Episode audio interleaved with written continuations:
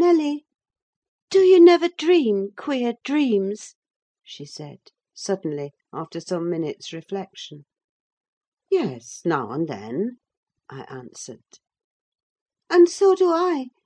I've dreamt in my life dreams that have stayed with me ever after, and changed my ideas: they've gone through and through me like wine through water, and altered the colour of my mind. And this is one: I'm going to tell it, but take care not to smile at any part of it." "Oh, don't, Miss Catherine!" I cried. "We're dismal enough without conjuring up ghosts and visions to perplex us. Come, come, be merry, and like yourself.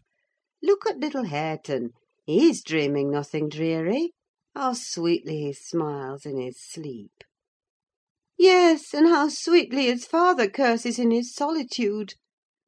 You remember him, I dare say, when he was just such another as that chubby thing: nearly as young and innocent. However, Nelly, I shall oblige you to listen. It's not long, and I've no power to be merry to night." "I won't hear it! I won't hear it!" I repeated hastily.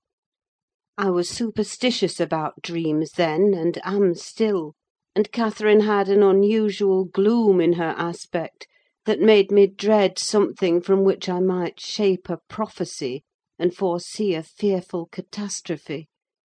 She was vexed, but she did not proceed. Apparently taking up another subject, she recommenced in a short time. "If I were in heaven, Nelly, I should be extremely miserable." "Because you are not fit to go there," I answered. "All sinners would be miserable in heaven." "But it is not for that. I dreamt once that I was there." "I tell you I won't hearken to your dreams, Miss Catherine. I'll go to bed," I interrupted again. She laughed and held me down, for I made a motion to leave my chair. "This is nothing," cried she. "I was only going to say that heaven did not seem to be my home, and I broke my heart with weeping to come back to earth; and the angels were so angry that they flung me out into the middle of the heath, on the top of Wuthering Heights, where I woke sobbing for joy. That will do to explain my secret, as well as the other. I've no more business to marry Edgar Linton than I have to be in heaven; and if the wicked man in there had not brought Heathcliff so low, I shouldn't have thought of it. It would degrade me to marry Heathcliff now. So he shall never know how I love him; and that not because he's handsome, Nelly, but because he's more myself than I am.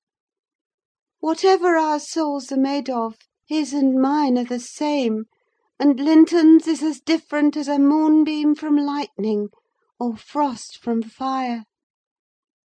Ere this speech ended, I became sensible of Heathcliff's presence. Having noticed a slight movement, I turned my head, and saw him rise from the bench and steal out noiselessly. He had listened till he heard Catherine say it would degrade her to marry him, and then he stayed to hear no further. My companion, sitting on the ground, was prevented by the back of the settle from remarking his presence or departure; but I started, and bade her hush.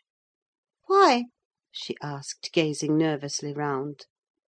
"Joseph is here," I answered, catching opportunely the roll of his cartwheels up the road; "and Heathcliff will come in with him. I'm not sure whether he were not at the door this moment." "Oh, he couldn't overhear me at the door," said she. Give me Hareton while you get the supper, and when it is ready, ask me to sup with you. I want to cheat my uncomfortable conscience, and be convinced that Heathcliff has no notion of these things. He has not, has he? He does not know what being in love is."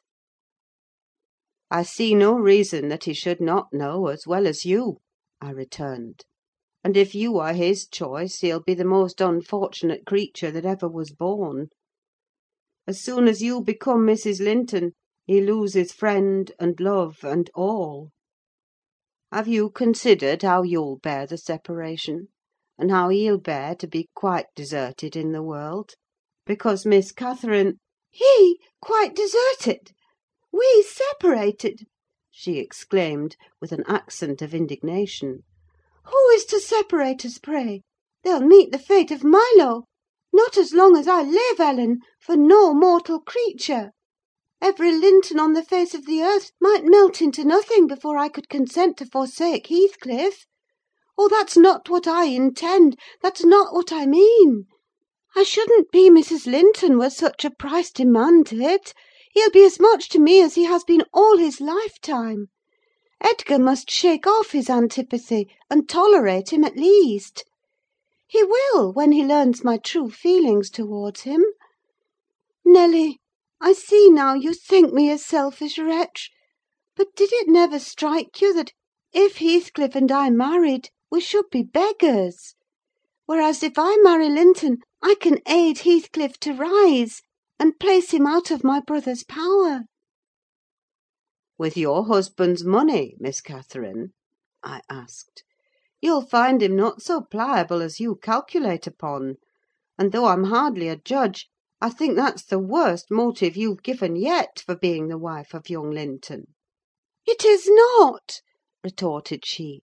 "It is the best. The others were the satisfaction of my whims; and, for Edgar's sake, too, to satisfy him.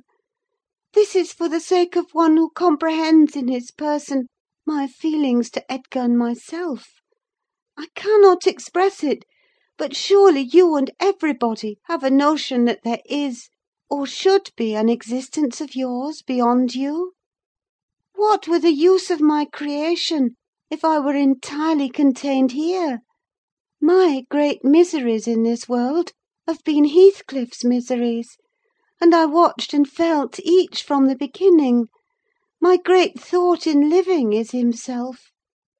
If all else perished and he remained, I should still continue to be; and if all else remained, and he were annihilated, the universe would turn to a mighty stranger. I should not seem a part of it. My love for Linton is like the foliage in the woods: time will change it, I'm well aware, as winter changes the trees. My love for Heathcliff resembles the eternal rocks beneath: a source of little visible delight, but necessary. Nelly, I am Heathcliff: he's always, always in my mind; not as a pleasure, any more than I am always a pleasure to myself, but as my own being.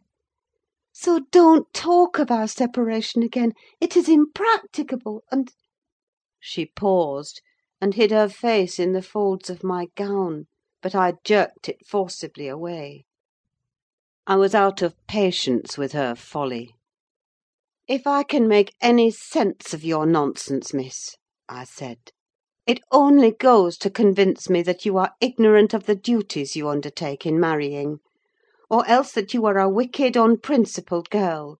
But trouble me with no more secrets: I'll not promise to keep them." "You'll keep that?" she asked eagerly. "No, I'll not promise," I repeated. She was about to insist, when the entrance of Joseph finished our conversation, and Catherine removed her seat to a corner, and nursed Hareton while I made the supper. After it was cooked, my fellow servant and I began to quarrel who should carry some to Mr. Hindley; and we didn't settle it till all was nearly cold. Then we came to the agreement that we would let him ask, if he wanted any; for we feared particularly to go into his presence when he had been some time alone. "And how is it that nowt comed in from the field by this time? What's he about? Girt idle seet!" demanded the old man, looking round for Heathcliff. "I'll call him," I replied. "He's in the barn, I've no doubt." I went and called, but got no answer. On returning, I whispered to Catherine that he had heard a good part of what she said, I was sure, and told how I saw him quit the kitchen, just as she complained of her brother's conduct regarding him. She jumped up in a fine fright, flung Hareton on to the settle, and ran to seek for her friend herself. not taking leisure to consider why she was so flurried, or how her talk would have affected him. She was absent such a while that Joseph proposed we should wait no longer. He cunningly conjectured they were staying away in order to avoid hearing his protracted blessing. They were ill enough for any foul manners, he affirmed; and on their behalf he added that night a special prayer to the usual quarter of an hour's supplication before meat, and would have tacked another to the end of the grace, had not his young mistress broken in upon him with a hurried command that he must run down the road, and, wherever Heathcliff had rambled, find and make him re enter directly. "I want to speak to him, and I must, before I go upstairs," she said. "And the gate is open: he is somewhere out of hearing, for he would not reply, though I shouted at the top of the fold as loud as I could." Joseph objected at first: she was too much in earnest, however, to suffer contradiction; and at last he placed his hat on his head, and walked grumbling forth. Meantime Catherine paced up and down the floor, exclaiming, "I wonder where he is! I wonder where he can be! What did I say, Nelly? I've forgotten. Was he vexed at my bad humour this afternoon? Dear, tell me what I've said to grieve him. I do wish he'd come: I do wish he would!" "What a noise for nothing!" I cried, though rather uneasy myself. "What a trifle scares you? It's surely no great cause of alarm that Heathcliff should take a moonlight saunter on the moors, or even lie too sulky to speak to us in the hay loft.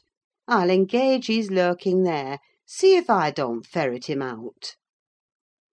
I departed to renew my search: its result was disappointment, and Joseph's quest ended in the same. "Yon lad gets waur and waur," observed he, on re entering. "He's left the gate at full swing, and Mrs. Pony has trodden down two rigs of corn, and plotted through, raight o'er into meadow. Hahsome diver t' maister play t' devil to morn, and he'll do weel: he's patience itsel, not wi' such careless, off–hand craters: patience itsel, nay, he is! But he'll not be so allus: yah see, all on ye! Yah mun't drive him out of his head for nowt." "Have you found Heathcliff, you ass?" interrupted Catherine. "Have you been looking for him, as I ordered?" "I sud more liker look for t' horse," he replied. "It 'ud be to more sense: but I can look for norther horse nor man over a neeght loike this: as black as chimbley. Un' Heathcliff's noan chap to come at my whistle: happen he'll be less hard hearing wi' ye.